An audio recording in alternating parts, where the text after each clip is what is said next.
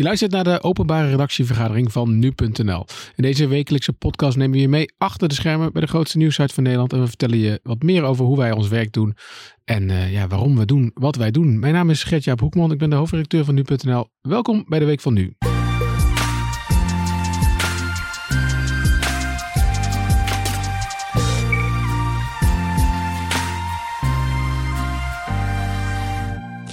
Julien, jongen, je bent er weer.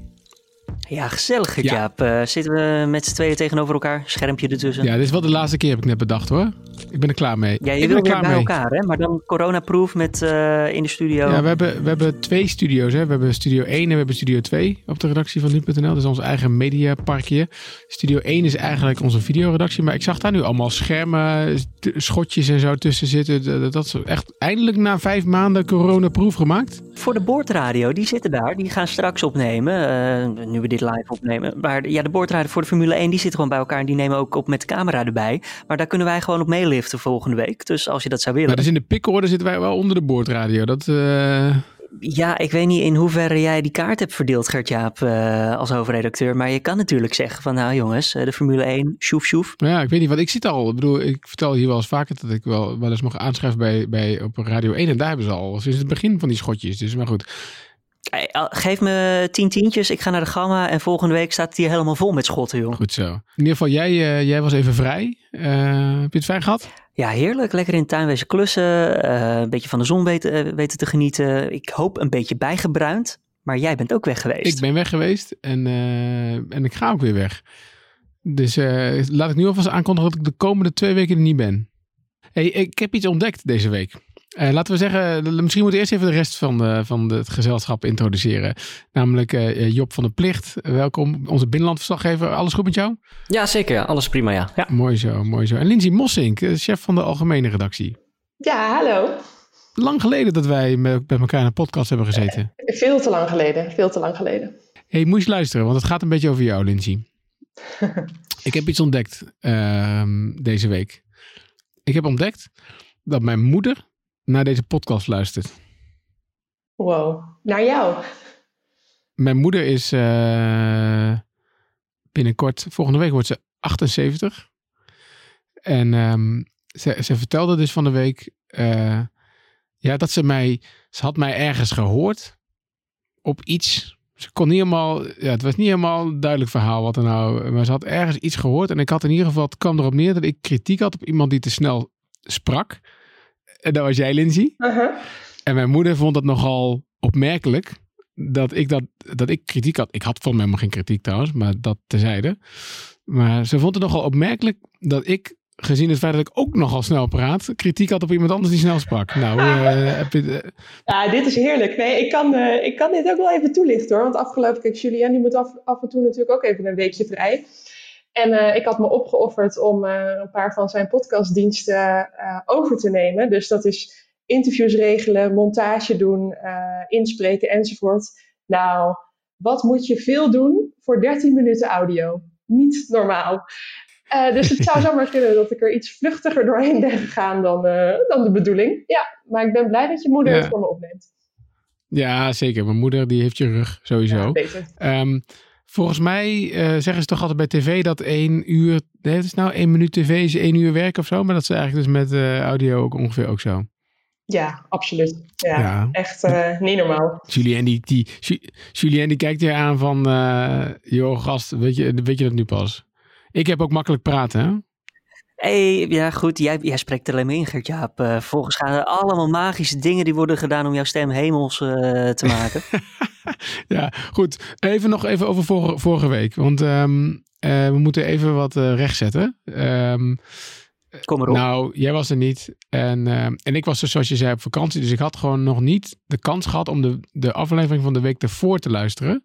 Van mijn zeer gewaardeerde collega Colin van Hoek.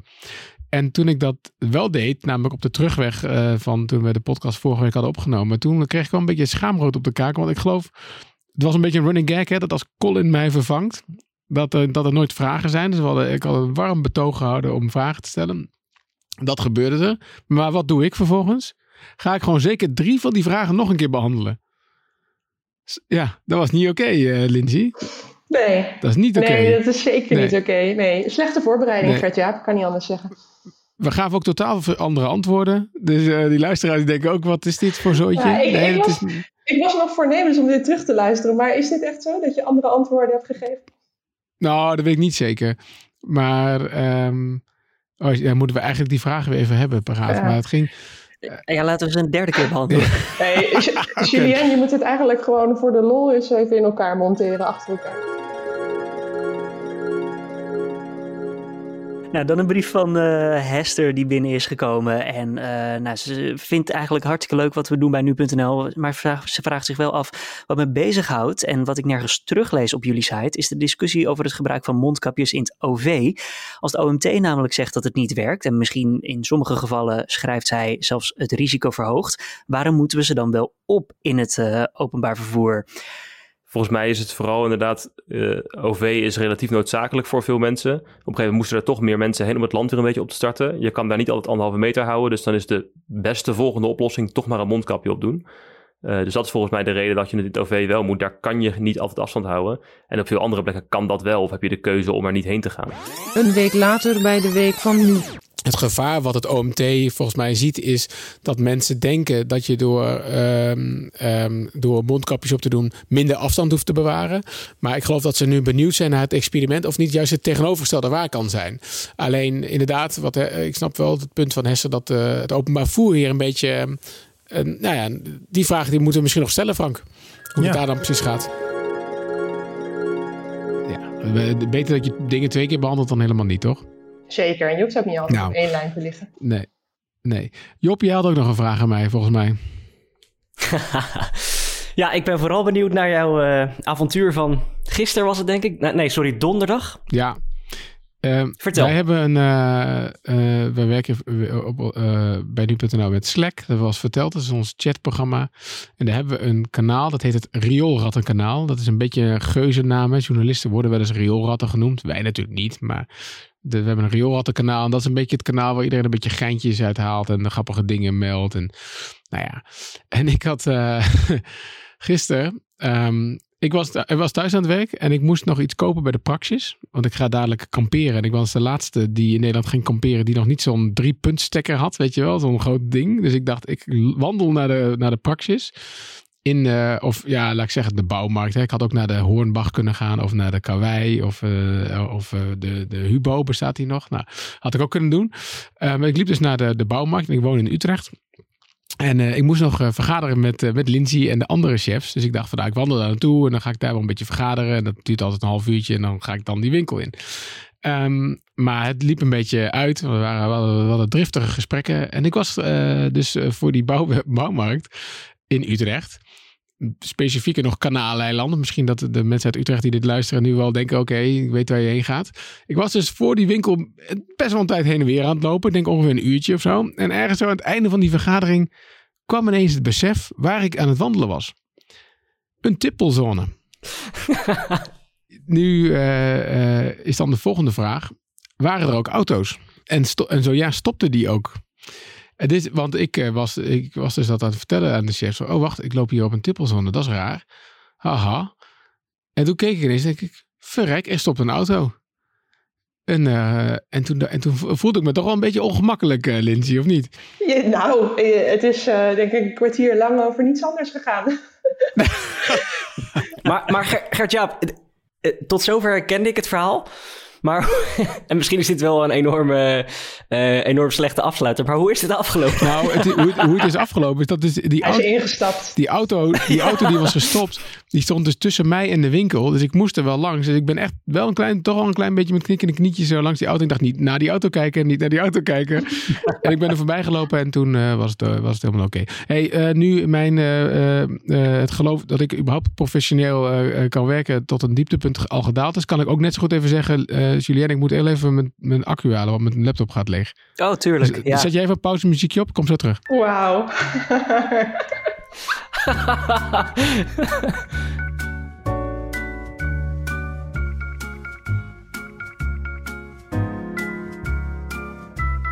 Oké, okay, tijd voor uh, uh, serieuzere zaken, Julien. Eh, want ik wil het eh, deze week in de openbare redactievergadering graag hebben over, ehm, eh, over de schietpartij die afgelopen zaterdag in Amsterdam plaatsvond. Waarbij een eh, 24-jarige jongen, Bas van Wijk, is overleden. Ehm, en ehm, nou, zoals al eerder aangekondigd, Job is onze binnenlandverslaggever. en Lindsay is onze chef algemeen. Dus die bepaalt doorgaans waar de lat voor, voor het nieuws ligt. Dus ik ben heel benieuwd om daar misschien even te beginnen bij die vraag. De- er zijn wel vaker natuurlijk schietpartijen in, in, eh, in Amsterdam. Ehm, ook de dodelijke afloop. Die nemen we volgens mij niet allemaal mee, toch, Lindsay? Of wel? Nee, zeker niet. Eh, ik denk dat je daar meteen wel een goed punt raakt hoor. Ik denk dat wekelijks in Amsterdam wel er eh, een schietpartij of steekincident met dodelijk afloop is. Maar vaak is dan meteen ook al wel duidelijk dat dat in het criminele circuit is. Nou, dan natuurlijk eh, moet je niet als redactie je schouders ophalen, want dat ben je misschien een beetje toe geneigd. Altijd wel goed kijken wat het dan is. Maar in het geval van Bas van, de, van Wijk was het zo snel duidelijk dat dit afwijkend was. Ik bedoel, het was op een populaire badplaats. Er ging eh, een scenario de ronde over een horloge en een diefstal. En dat hij om, op, op zou zijn gekomen voor een vriend van hem. Ook dat was al wel vrij snel eh, een verhaal dat de ronde deed. Dus dit was afwijkend nieuws. Ja. Precies, ik, ik, ik zat even eh, onze eerste berichten eh, erbij te halen. We hebben een samenwerking in Amsterdam met de lokale zender AT5. Wij hebben volgens mij, ik weet niet of jij dat nog eh, goed, op je netvlies hebt hoor. Maar wij hebben hun bericht in eerste instantie overgenomen. Dus we voelden we dan niet de urgentie om dit meteen zelf op te pakken? Of dachten we eigenlijk van nou, dit is gewoon een goed bericht, prima. Ja, dit is een goed bericht. We hebben een samenwerking met AT5. Uh, zij hebben nou ja, de juiste voelsplitten in Amsterdam. Dus ik denk uh, dat dit goed is dat wij daar direct op gebaseerd hebben en daarna zelf mee aan de slag zijn gegaan. En hoe ga, gaan we er dan daarna mee uh, aan de slag? Wat, nou, wat, doen we dan? Ja, wel heel feitelijk. En uh, nou ja, om meteen maar dan met de deur in huis te vallen. Wat ik wel geleerd heb hiervan en weer van dit incident, is dat het zo belangrijk is om bij de feiten te blijven. Want meteen, uh, weet je, media gaan daar naartoe en schrijven uh, verslagen van ooggetuigen op. Uh, en er kwamen best wel veel verschillende signalementen ook naar buiten van verdachten. Ja. en op dat moment heb ik ook wel gedacht, jeetje, wat is het toch fijn dat we uiteindelijk zonder onszelf op de borst te willen kloppen hoor, maar dat we bij die feiten blijven. Want je, het laatste wat je wilt doen is de bezoeker het bos insturen en, uh, en verwarring zaaien. Um, uiteindelijk hebben we, als ik me niet vergis hoor, de politie is toen ook wel naar buiten gekomen met een signalement wat ze later weer teruggetrokken hebben. Ja. Ik dacht dat wij dat ook wel meegenomen hebben. Um, ja, toen ik, toen ik het zei, maar vooruit. ja, heb je ook nog, dan heb je ook nog een rol, toch? zeker, nee, fijn, zeker fijn. Ja. Maar even, terug, even terug hoor, want je, uh, naar die, want inderdaad die, die oogtuigenverslagen. Nou, ik las er bij. Uh, eigenlijk kwam dat dan trouwens, dat, dat wil ik trouwens nog even zeggen, want dat, dat um, kwam vrij laat, had ik het idee. Hè? Pas, pas maandag, zeg ik even, of zelfs dinsdag of zo, druppelden de, de ooggetuigenverslagen binnen van um, uh, bij de NOS, bij AD, bij de Telegraaf even uh, straks gaan we het wel even hebben van wat, hoe dat nou precies kwam dat dat zo laat was. Maar um, doen, wij dat, doen wij dat nooit, oogtuigenverslagen? Nee, vrijwel niet. Vrijwel niet. En juist omdat ik zeg, omdat uh, ooggetuigen het allemaal anders hebben kunnen ervaren. Ik denk dat we wel aan de slag zijn gegaan met wat die ooggetuigen zeggen. Dus er ging een scenario dat hij op zou zijn gekomen voor een, een vriend waarvan zijn horloge uh, gestolen zou worden. Dat hebben we gecheckt bij de, bij de politie, die vervolgens tegen ons hebben gezegd: ja, dit is wel een reëel scenario wat wij onderzoeken. Uh, en dat is dan wel een feit dat de politie dat zegt. En dat brengen we dan uh, zeker naar onze gebruikers. Maar om los allerlei ooggetuigenverslagen bij elkaar te zetten en te brengen, ik denk dat dat alleen maar voor verwarring zorgt. Ja, want wat mij, je zei, je zei net iets over het signalement ook, Lindsay. Wat mij nog wel ook wel opviel, was dat op. Um, en ik zat even ons bericht erbij te pakken, namelijk dat wij in eerste instantie. Uh, ja, wij schrijven dat in eerste instantie op basis van een getuige een signalement van de verdachte werd verspreid.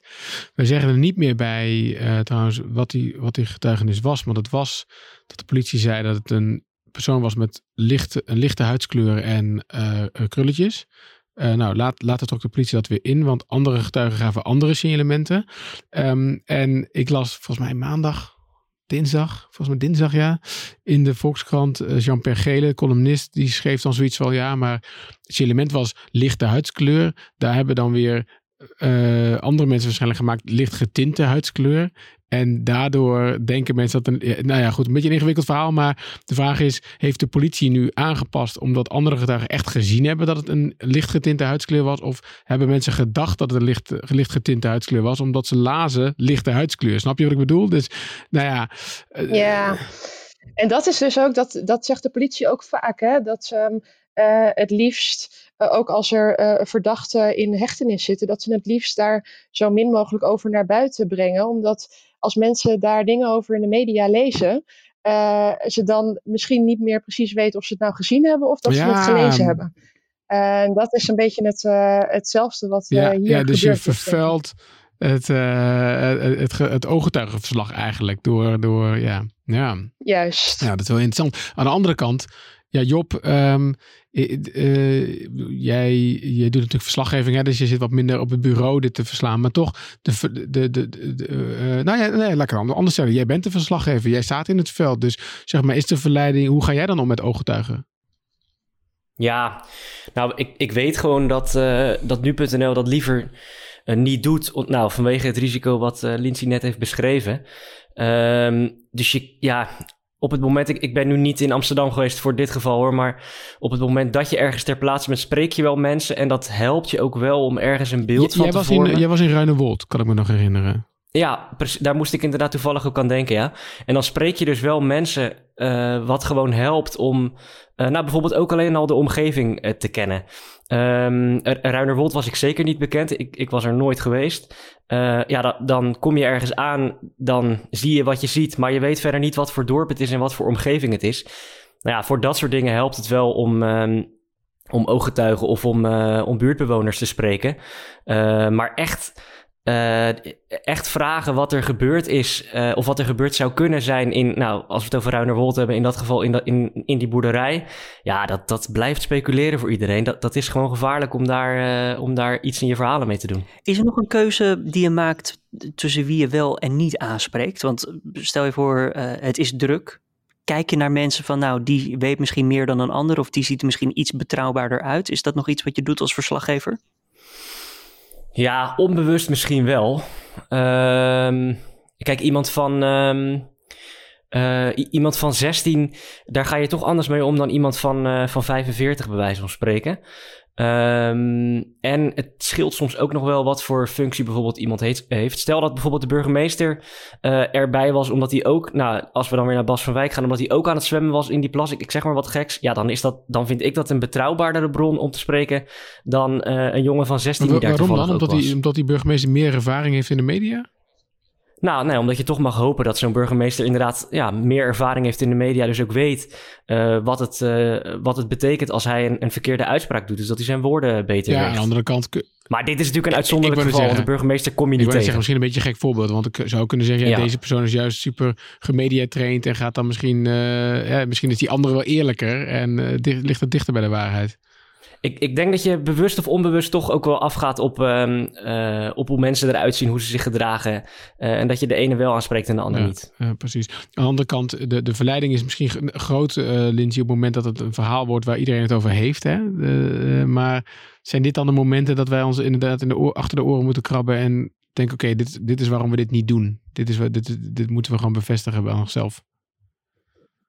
Ja, dat denk ik dus wel. Eh, ik heb ook wel bij verschillende media ooggetuigen gehoord die zeiden: ja, ik heb vijf schoten gehoord, ik heb er twee gehoord, ik heb er drie gehoord. Eh, en precies dat bevestigt bij mij, ja, maar zo zaai je dus las- verwarring. Eh, Ja, wat, ik- wat ik las dan, was eh, dat geloof ik ja. één schot was door een lachgasballon of zo. Die, die, ja, waardoor je Ja. zeg maar in principe twee ontploffingen hoort. En je denkt twee schoten en dan is het er één. Ehm, ja, het is gewoon, we moeten gewoon zo min mogelijk speculeren. En dat is, soms is die verleiding best wel groot. Voel ik bij mezelf ook wel hoor. Dat ik denk, ja, maar dit is een verhaal. Iedereen wil hier dingen over weten. Dan is het soms Ja. Ja. Ja, met name, eh, kijk, je wil, die, je wil natuurlijk gewoon die situatie schetsen en wat daar gebeurd is. Eh, ik kan me wel voorstellen dat we daar misschien wel zaterdag heen waren gegaan, al is het alleen maar om te zien, oké, maar hoe, wat is dit voor een badplaats? Hoe druk is het daar? Eh, eh, hoe dicht zat dat op een kinderspeeltuin? Weet je, dat soort dingen zou je natuurlijk als nu.nl zijnde wel kunnen schetsen om een beeld te geven eh, waar dit zich heeft afgespeeld. Maar echt eh, puur wat er met Bas van Wijk zelf gebeurt. Dus ik denk dat je dat eh, aan de politie moet overlaten en op basis van Ja, onderzoek. en nu, eh. En dat wat Lindsay zegt, dat wat Lindsay zegt, hebben we bijvoorbeeld met Ruinerwold wel gedaan. Toen zijn we daarheen gegaan om te kijken hoe, zie, hoe is die situatie daar, hoe ziet het eruit. Eh nog los van de mensen die je daar dan spreekt, maar gewoon eh, schets de situatie maar. Ja, nu ehm, zei ik al, het, het was op zaterdag gebeurd. En eh, nou, op maandag kwam er dan meer ooggetuigenverslagen in de kranten. En ehm, het is interessant om even de medialogica erachter te zien. Hè? Ik zit even na te hardop te denken. Ja, waarschijnlijk, volgens mij had het zo dat maandag de Telegraaf een o- ooggetuigenverslag had. Ja, dat zal waarschijnlijk wel gewoon op zaterdag of zondag gemaakt zijn. Maar dat bewaren ze dan voor de krant. En dat komt dan eh, in de krant. Eh, vervolgens er ging er best wel wat los op Twitter, begreep ik. Hè? Ehm, dus dat, dat er een hele beweging was die ineens had over All Lives Matter. Hè? En ook Thierry Baudet zag ik geloof ik op Facebook, die een verhaal hield van waarom is de media, waar, is de ophef hier, waar is de... ehm, eh, in, hoever, in hoeverre speelt dat dan nog mee in onze berichtgeving? Of de, de, de, hoe groot we deze zaak eh, willen volgen? Nou, ik, eh, de hele eh, oproep voor de demonstratie vind ik best ja, wel want sorry, dat moeten we nog even ik- zeggen. ik denk Da- nu da- hard- want daardoor was er ook iemand die op Facebook zei: Oké, als de dam volstroomt voor George Floyd, dan moet de dam ook volstromen voor Bas van Wijk. En ik ga een vergunning aanvragen. Ja, juist. Ja, en dat, dat blijf ik toch ingewikkeld eh, vinden. En nu denk Mhm. ik hardop. Dit is een openbare eh, redactievergadering, openbare redactievergadering. maar ik vind eigenlijk dat, want eh, nou ja, er is een, een, een vrouw die eh, deze demonstratie heeft aangevraagd in Amsterdam. Eh, gisteren of eergisteren zei zij nog wel in Radio 1. Ja, ik weet eigenlijk niet precies hoe ik deze demonstratie ga invullen. Maar het is wel redelijk duidelijk dat ze met nou ja, All Lives Matter een signaal wil afgeven aan Black Lives Matter. En ik denk dan, dit leidt af van wat er daadwerkelijk gebeurd is. Ehm, eh, in Amsterdam met Bas van Wijk. Want volgens mij zijn de nieuwsfeiten juist. Oké, deze jongen die, die nou, kwam waarschijnlijk op eh, eh, voor een vriend. Er waren daar andere eh, verdachten gewapend. Waarom kwamen zij, hebben zij een wapen? Zijn ze daar dan makkelijk aangekomen? Is dat normaal tegenwoordig? Wordt het dan grilliger? Ik zou zeggen dat dat het nieuwsverhaal is. En niet per se eh, het eh, Black Lives Matter, All Lives Matter debat. Dus ik vind eigenlijk dat dat afleidt van wat het daadwerkelijk zou moeten zijn. En dat maakt het dat ik het ingewikkeld vind. Ja, want wij hebben ook niet bericht dat er een demonstratie werd aangevraagd. Omdat we misschien, ja, ik vul het misschien een beetje in voor, voor je, maar dat wij concluderen, ja, hoe serieus moet je dit eigenlijk nemen dan? Ja, nu hebben we dit wel. eh, Kijk, wij hebben eh regio-katernen en eh, daar ligt de lat wat lager. En je wilt wel dat zeker Amsterdammers weten, nou oké, er is een, een, een, een demonstratie aangekondigd op de Dam. Dus met alle haken en ogen daarin hebben we dat wel op onze regiopagina aangekondigd. Ehm, maar het is heel erg afhankelijk van hoe dit ingevuld wordt en hoe groot dit wordt, of wij daar daadwerkelijk iets mee gaan doen. Eh, ja, ik weet, niet of, dat, of, je dat kunnen, of je daarop kan reflecteren al hoor. Maar het feit dat dus die ophef er was, vervolgens op dinsdag alle kranten, eh, columnisten daaroverheen gingen over dit verhaal. Maar eh, speelt dat mee in hoe groot wij iets oppakken? Het zet je in ieder geval aan het denken, laat ik dat zeggen. Uh, en dat kan uh, tot gevolg hebben dat je er dus uh, toch door die ophef zet je aan denken, dus er dan toch wel iets mee gaat doen. Um, dus het heeft wel effect. Ja, ja. ja, dat denk ik ook hoor. Ik bedoel, we hebben het vaak over ja, het, het, het, gesprek van de dag. In hoeverre laat je daar als redactie door leiden? Of in hoeverre, ja, uh, of hoeverre dic dicteer je eigenlijk hè, wat het gesprek van de dag is? Ik ben van mening dat je dat soms gewoon, ja, je, je wil je misschien niet te veel laten leiden. Maar aan de andere kant, ja, dat is nou eenmaal wat er soms gewoon gebeurt. Als, als, als dit een verhaal is waar iedereen het over heeft, ja, dan moet je op zoek gaan naar de journalistieke vragen. En, ik denk dat daar wel, dat je daar wel zinnige dingen zegt, Lindsay. Dat dan, ja, gaat het dan over all life matters of gaat het over wapenbezit van, van, van uh, jongeren? Hoezo loopt daar een jongen in een zwembroek en een petje uh, met een geladen pistool rond? Ja, wat is dat voor uh, waanzin eigenlijk? Ja. Ja, juist. En ik vind dan, nou ja, eh, eh, mijn journalistieke hart zegt dan, ja, maar dat, dat is volgens mij het verhaal. En natuurlijk eh, is het ook een verhaal op het moment dat die demonstratie zo groot blijkt en dat daar zoveel mensen op afkomen. eh, dan willen die mensen blijkbaar een signaal ook afgeven aan eh, Black Lives Matter. En ook dat is dan weer een verhaal. Maar volgens mij een ander nieuwsverhaal dan waar we het nu over hebben. Ja, en nu proef ik een beetje uit de, de, de, de, de Facebook-post onder andere van, eh, van, van Thierry Baudet, dat er bepaald, dat die heel erg vaak uitgaat van een soort van agenda die wij hebben. Van, ja, de media hebben maanden campagne gevoerd over, eh, over George Floyd, zei hij. En nu zijn ze stil. Ja, lastige vraag misschien, maar snap, snap jij dat of zo? Dat hij dat, dat, hij dat denkt?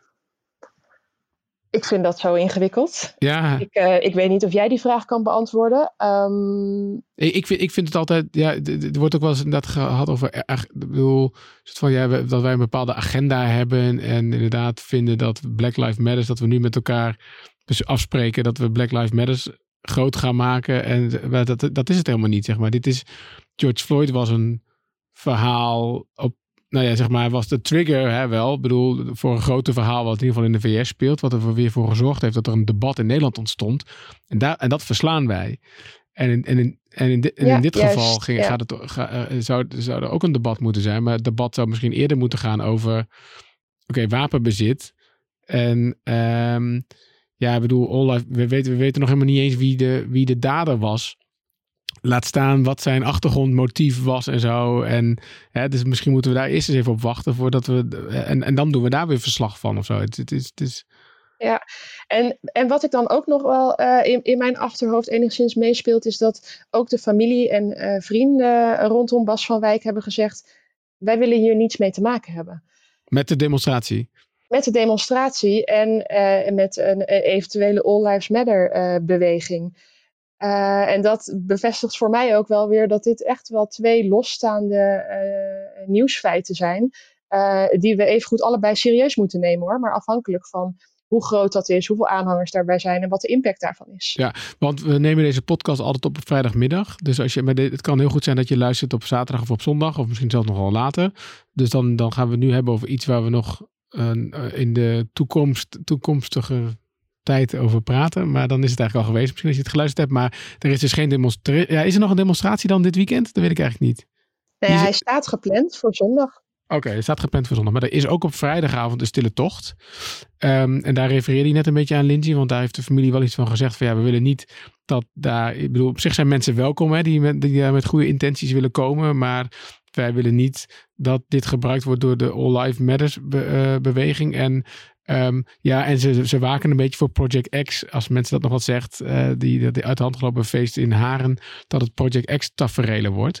Ehm, toen hebben wij wel een beetje getwijfeld van ja, moeten we daar ook iemand naartoe sturen? Nou, uiteindelijk eh, eh, hebben we dat gezegd dat dat wel zo is. En die persoon die is ook in de uitzending, dat is namelijk Job.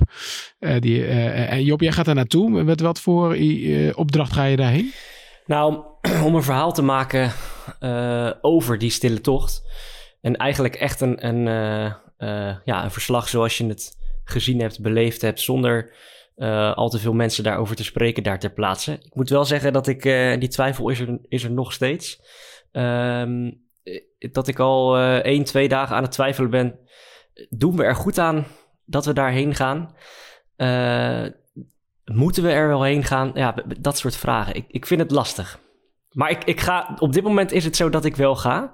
Het kan best zo zijn als je dit Ehm, luistert maar dat je toch besloten hebt dat je niet bent gegaan. Ja, nou ja, die, ik, ik denk dat die twijfel tot het, eh, tot het laatste waar- moment er zal zijn. twijfel je dan? Nou, omdat de familie hier zo duidelijk... Kijk, er zijn wel eens eh, gebeurtenissen waar dan een stille tocht achteraf voor is... waarvan eh, eh, familieleden, eh, vrienden, betrokkenen zeggen... we willen het zo groot mogelijk laten worden... en we willen hier zoveel mogelijk aandacht voor. Prima, dat is een, een keuze van betrokkenen. En dan, dan zijn wij ook bereid om, ehm, eh, om daaraan mee te werken. Niet omdat wij ons voor het karretje laten spannen van die familie... maar dit is, nou, dat hebben we net al besproken... zo'n grote gebeurtenis, daar moeten we bij zijn... dan zijn we erbij. Maar in dit geval heeft de familie gezegd: we willen het eigenlijk zo klein mogelijk houden. En je, je proeft aan alles dat ze niet op media-aandacht zitten te wachten. Ze praten alleen met het ANP. Eh, ze doen dat zonder hun naam erbij eh, eh, te zeggen. Althans, die zeggen ze wel, maar die, die wordt niet gepubliceerd. Dat is ook niet zonder reden. ja, het, het, ze zeggen als, je, uh, als er betrokkenen, nee, als je erbij bent bij de stille tocht en je bent niet vriend of familie, ga dan uh, in een erehaag langs de route staan. Dus loop niet mee. Ja, je proeft gewoon aan alles dat, ze, dat de, de familie en vrienden niet zitten te wachten op heel veel aandacht hiervoor. Ja, dan voelt het toch wat ongemakkelijk of zo om hier, oké, misschien een, een, een net uh, ingetogen verhaal over te schrijven. Maar wat je wel voorschotelt aan een miljoenenpubliek. waarom vind jij dat Job uh, moet, uh, Lindsay? Ik vind dat Job hier naartoe moet, omdat dit één, een openbaar iets is. Um, en het boven alles onze taak is om te verslaan wat er in Nederland gebeurt. En deze stille tocht is daar één van. Uh, natuurlijk denk ik, dit, dit moeten we met heel veel respect doen. En ik, ik, ik hoor en lees en zie ook dat de familie en vrienden, uh, dat het een nadrukkelijke wens is dat ze zelf in die tocht lopen uh, en iedereen verder op afstand is. Maar ik vind de verslaggeving van iets wat in Nederland gebeurt en zo groot is, ja, zo belangrijk. En toch wel uh, opeens staan ja, wat dat betreft. Ja, nee, ik snap, ik, snap dat, ik snap jullie allebei wel. Maar ik denk dat je inderdaad, kijk, het feit, we willen gewoon wel beschrijven wat daar gebeurt. Misschien ook wel omdat er misschien een kans is dat het toch wel gekaapt wordt door, uh, door mensen die willen gaan demonstreren. En dan, ja, als je er niet bent, dan weet je dat niet. Ja, juist dat ook, hè, wat, jij, wat jij nu benoemt. Weet je, de, uh, kijk, Job zegt tussen de regels door lees je inderdaad familie en vrienden niet per se zitten te wachten op media. Maar waar ze vooral niet op zitten te wachten en ook wat ze wel hardop echt gezegd hebben, is dat ze op All Lives Matter demonstranten niet zitten te wachten. En daarvan zeggen ze ook, voor die mensen is de stille tocht niet de plek, maar de demonstratie in Amsterdam op zondag. maar dat maakt wel dat daar frictie zit. en dat heeft weer als gevolg dat ik denk, laten we in ieder geval daar in de buurt zijn. Gaan we daar eigenlijk ook heen zondag? Ligt eraan. Ja, ik denk dat, af, dat aankomende dagen nog wel meer duidelijk wordt of uh, uh, dit daadwerkelijk groot wordt. Die organisator is in gesprek met politie.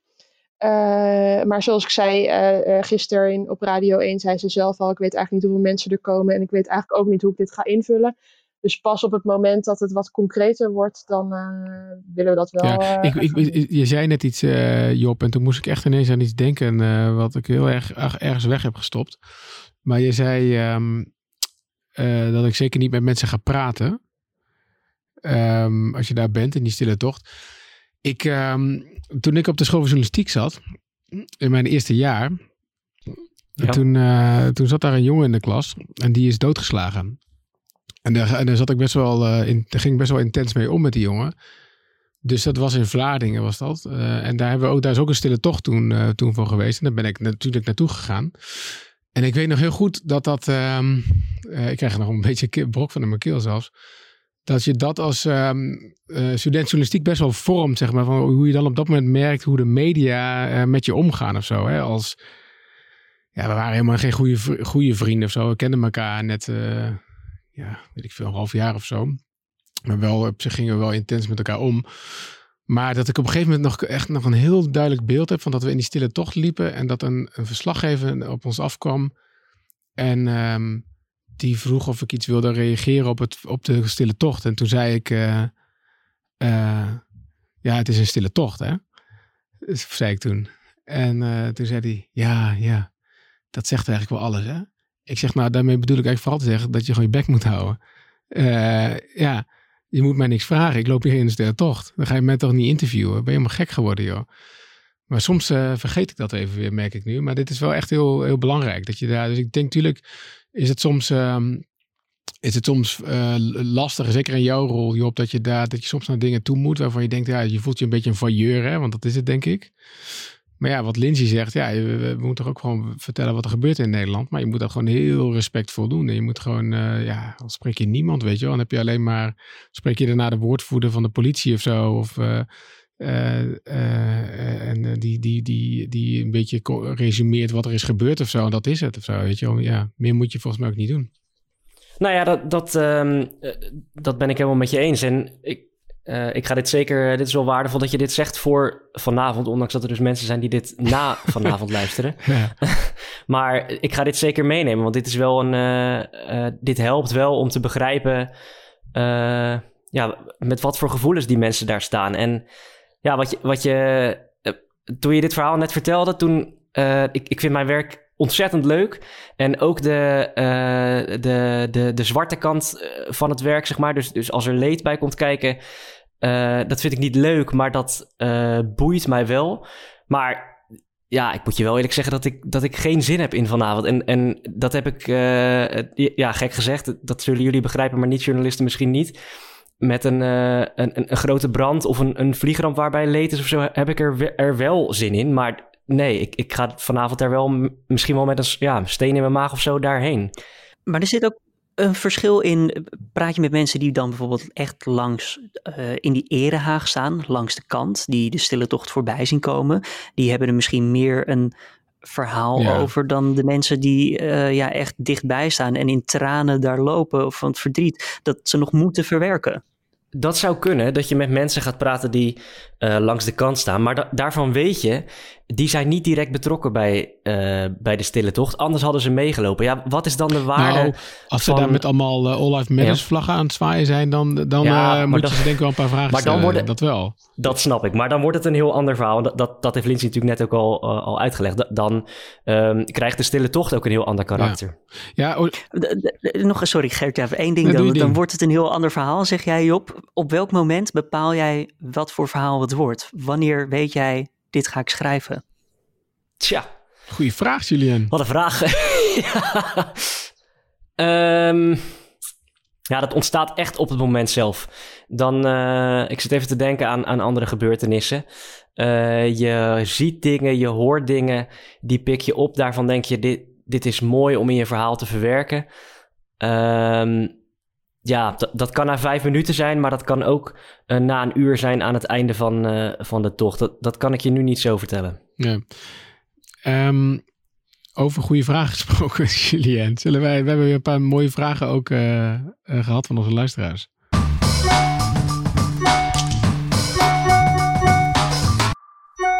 Er is weer gemaild naar podcast.nu.nl. Doe dat vooral ook als je vragen hebt voor eh, Gert-Jaap, de hoofdredacteur. En eh, ja, Gert-Jaap, heel kort. Jij zei dat je nu twee weken weer eventjes er tussenuit bent. Betekent dat dat Colin invalt? Ja, zeker. Of, Nou, ik, eh, ben niet, ik ga volgende week vrijdag weer een weekje weg. Dus dan, en ik heb je al eens verteld over de integratie van... eh, we zijn of, eh, nu.nl is natuurlijk eh, gekocht door een andere uitgever. En daar zijn we ook plannen voor aan het maken. Dus die vrijdag daarna moet ik dat presenteren. Dus de komende twee weken... Ik hoorde van Colin dat hij ongeveer het leukste van... van dat als ik weg ben, vindt dat hij deze podcast mag doen. Dus ik neem aan dat hij dat met veel plezier gaat doen. Zegt hij in ieder geval van wel. Dus eh, nou, dan eh, laten we meteen een oproepje doen voor hem. Ja. Wil jij eh vraag stellen aan Colin? Doe dat dus via podcast.nu.nl. Maar Mark, heeft Ja, nee, ik zie dat we een mail hebben gehad van mijn moeder, maar ze heeft, ze heeft zichzelf Mark genoemd. Ehm, eh, want wat gaat weer over snel praten, hè? Ja, behoorlijk snel praten en vooral ook door elkaar heen praten. En nou, dat laatste, dat kan ik wel een beetje eh, bevestigen waardoor dat komt. Omdat we natuurlijk allemaal op afstand zitten van elkaar vanwege de coronamaatregelen. We zitten ergens anders, dus we zitten hier op te nemen met een microfoontje en een webcam. Daar zit soms wat vertraging tussen. Nou, Gert-Jaap merkt het net al, dan ga je eventjes door elkaar heen. En vervolgens is het eh, hek van de dam, eh, ja, wachten tot één iemand opgeeft en de ander laat uitpraten. Is soms een beetje in de eindmontage te redden, soms ook niet, want het is ook wel gezellig. Maar daar, dit, het is, is ook wel een beetje wat hoort bij een discussie, toch? Lichtjes door elkaar heen Ja, maar het is, oh, oh, het is inderdaad, het is wel grap- grappig dat je dat zegt. Het is te vergelijken met ook vergaderingen die wij doen. Dat je moet echt meer discipline hebben, of laat ik zo zeggen, ik moet meer discipline hebben om andere mensen te laten uitpraten. Wat niet per se slecht is, trouwens. Ehm, Het, het zet je een beetje op een eh, plek dat je denkt van, ja, andere mensen hebben ook een verhaal, laten we eens luisteren. En daar komen misschien soms hele goede dingen uit. Want volgens mij, als ik terug ga naar de tijd pre-corona, de vergaderingen, die waren niet echt anders hoor. Daar werd ook gewoon genoeg door elkaar heen geschreeuwd. Ja, maar als dit dan een gevolg is daarvan, dan denk ik dat dat best wel een goede is. Dus iets meer, want uiteindelijk, Mark eh, mailt terecht dat, dat eh, het is gewoon moeilijker te volgen. Dus laten we zeggen, voor de luisteraar moeten we gewoon rustiger praten en elkaar uitpraten. Julien, hoe noemde jij, nou die maatregelen net? De coronamaatregelen? Oké, ja, nee, Brug, eh, ehm, we hebben ook een mail gehad namelijk van eh, Hakan. Eh, en eh, Hakan die zegt, ik luister graag naar jullie podcast. En, dus, ehm, en er zijn me de laatste dagen een paar dingen opgevallen. Deze dingen hebben allemaal met uitspraak te maken. Hij zegt, ik leer Nederlands, dus ik luister graag naar jullie uitspraak. Zo klinkt het vaak wanneer ik luister. Corona, corona, openbaar vervoer. Gevaar, als we gevaar bedoelen. Kijken, in plaats van kijken. Dooien, in plaats van doden. Bij, in plaats van bij. Waai, in plaats van wij. En ik kan er nog wel wat aan toevoegen. Kom erop. Bijzonder. Duizend. Maar inderdaad, mijn favoriet is ook wel Kronen. Van, eh, eh, ja, ik, ik, ik dacht eerst van... ehm, je hebt vroeger, ehm, ik weet niet, misschien heb je dat nog steeds wel op teletext, zo'n pagina ergernissen. Kennen jullie die? Ken je die pagina? Ja, ik ben iets ouder dan jullie. Hè? Dat, dat was dan ook een soort van. En dat ging altijd over de uitspraak van mensen op de radio. Mensen zijn daar super gevoelig eh, en zijn snel geïrriteerd. Ehm, ik denk dan wel eens, ja, maar iedereen is anders. En hè, ja, tuurlijk, jij, jij spreekt sommige woorden net even iets anders uit dan ik, Julien. Maar dat hoort ook bij het echte Eh, leven. de achtergrond en Ja. waar je vandaan komt en de mensen om je heen, hoe zij praten. Ja, maar Hakkan, ehm, die zegt, het valt me nu meer op, misschien ook omdat jullie mij Nederlands leren. En dat triggert mij wel een beetje, Hakkan, want ik ben heel erg nieuwsgierig eigenlijk hoe we dat doen. eh, dan en hoe jij Nederlands leert met ons, waar je vandaan komt en zo. Dus zou- misschien moeten we even wat ehm, meer eh, te, te weten krijgen over, over Hakkan. Eh, of hem zelfs even bellen volgende week. Want ik vind het eigenlijk wel, eh, ik vind het wel leuk om eh, dat iemand. Ik weet toevallig dat namelijk mensen. eh, ik heb toevallig een, ehm, een, eh, een hele goede vriend van mij. Die is eh, getrouwd met een eh, Britse. En die, en die, die jongen werkt zelf namelijk bij de NOS. Zij leest, nu.nl om haar Nederlands te leren. Zeg maar. dat, doen, dat doen wel veel mensen. Dus vind ik wel mooi om daar iets over te, meer over te horen van, van Hakan. Dus als wij met. zou, zou jij hem kunnen mailen, Julien? Ik stuur hem een mailtje met de vraag of we van, van volgende week eventjes kunnen spreken. Of in ieder geval dat hij iets van zich kan Ja, laten horen. Super, tof. Goed zo. Nou, dan eh, is dit, eh, wat mij betreft, kunnen we een eind breien aan deze openbare redactievergadering eh, voor deze week. Eh, Job, eh, hartstikke bedankt voor je verhaal en, en, en succes en veel wijsheid, eh, eh, zou ik zeggen. Lindsay, Dankjewel. jij ook echt waardevol om te horen, ehm, nou ja, waar wij, eh, wat er zo al bij komt kijken. Ik denk toch dat veel mensen dat niet in de gaten hebben. Dat, uiteindelijk, ja, dat hoeft ook niet altijd. Hè? Ik bedoel, uiteindelijk gaat het er gewoon om dat die stukjes op nu.nl staan. Maar ik vond het wel een heel mooie aflevering vandaag. En Julien, ik vond het ook weer heel prettig eh, met, met jou eh, samen te doen. Dankjewel. Nou, dan zou ik zeggen, een goed weekend. Yes, Eh, goed weekend. Tot volgende week. Goed weekend.